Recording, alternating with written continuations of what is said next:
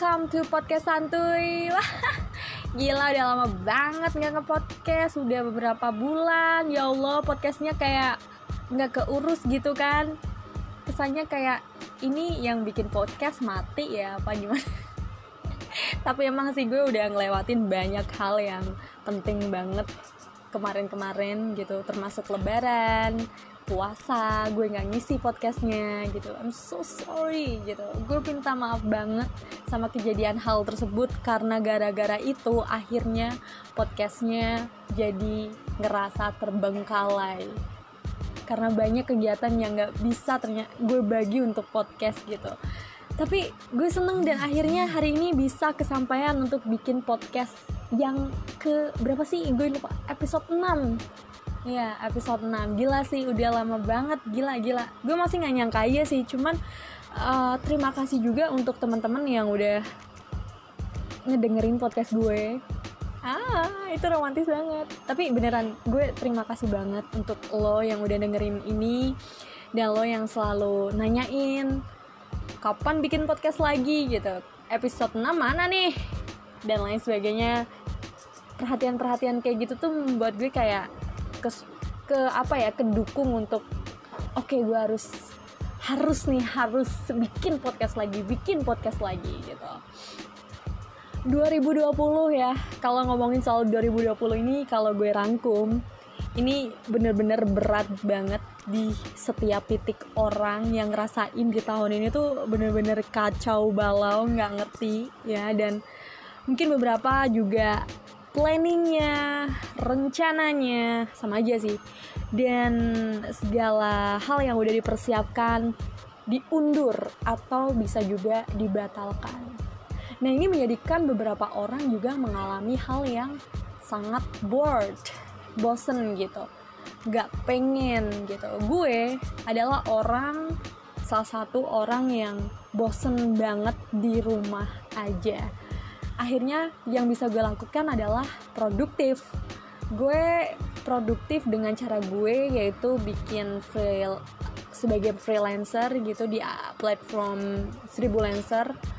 Gue di situ kerja dibayar puluhan ribu doang tapi menurut gue work untuk lo yang masih kuliah gitu kan. Untuk beli kota lumayan lah menurut gue.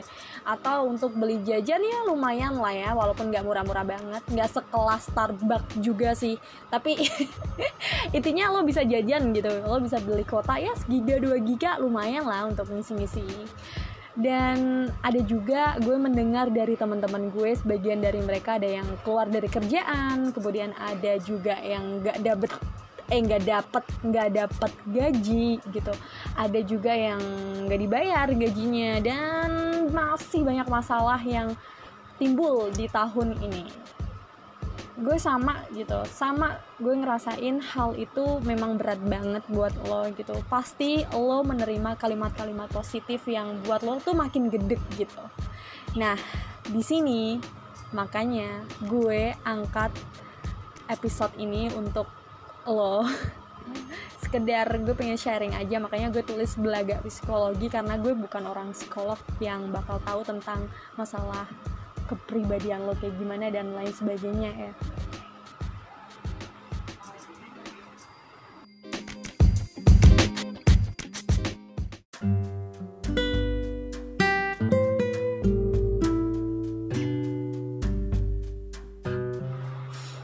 Oke, dilanjut lagi podcastnya. Tadi kepotong gara-gara ada gangguan yang tidak diinginkan. Seperti biasa ya, podcast Santu itu rekamannya disantui banget pokoknya tempatnya rame gitu. Aduh, tapi kalau gue janji sih kalau udah ada uang lebih gue bakal ngeperbaikin segala audionya biar enak didengerin dan nyaman didengerin. Kenapa gue ngomongin soal toxic positivity? Karena ini masih terjadi ke gue dan mungkin dari lo juga ngal ngalamin tapi nggak sadar gitu ya. Jadi toxic positivity itu apa sih gitu kan? Jadi kalau berdasarkan yang gue research dari bro, uh, apa website yang ada gitu kan toxic positivity apa toxic positivity itu adalah istilah yang masih baru gitu. Dan ini merujuk sama seorang yang lo sebagai orang itu mengesampingkan emosi negatif lo dan ditutupi dengan emosi positif aja Nah, bila kamu mengalami toxic positivity, kamu bakal mengacu, mengacukan rasa sedih kamu, marah kamu, serta langsung nutupinnya pakai pemikiran positif. Kalau percaya atau enggak, gue sering banget ngalamin kayak gini gitu. Gue terlalu banyak menutupi rasa marah dan segala hal itu dengan positif aja gitu.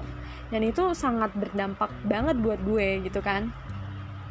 Nah, dengan hanya fokus kepada emosi positif, berarti kamu menekan atau menyangkal nih keberadaan dari emosi-emosi negatif tadi, gitu kan?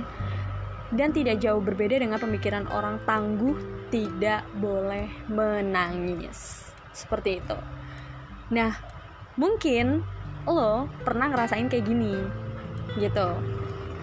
Faktanya, dengan melakukan hal kayak gini, ini akan malah menjadi stres dan gak bisa menerima keadaan yang ada.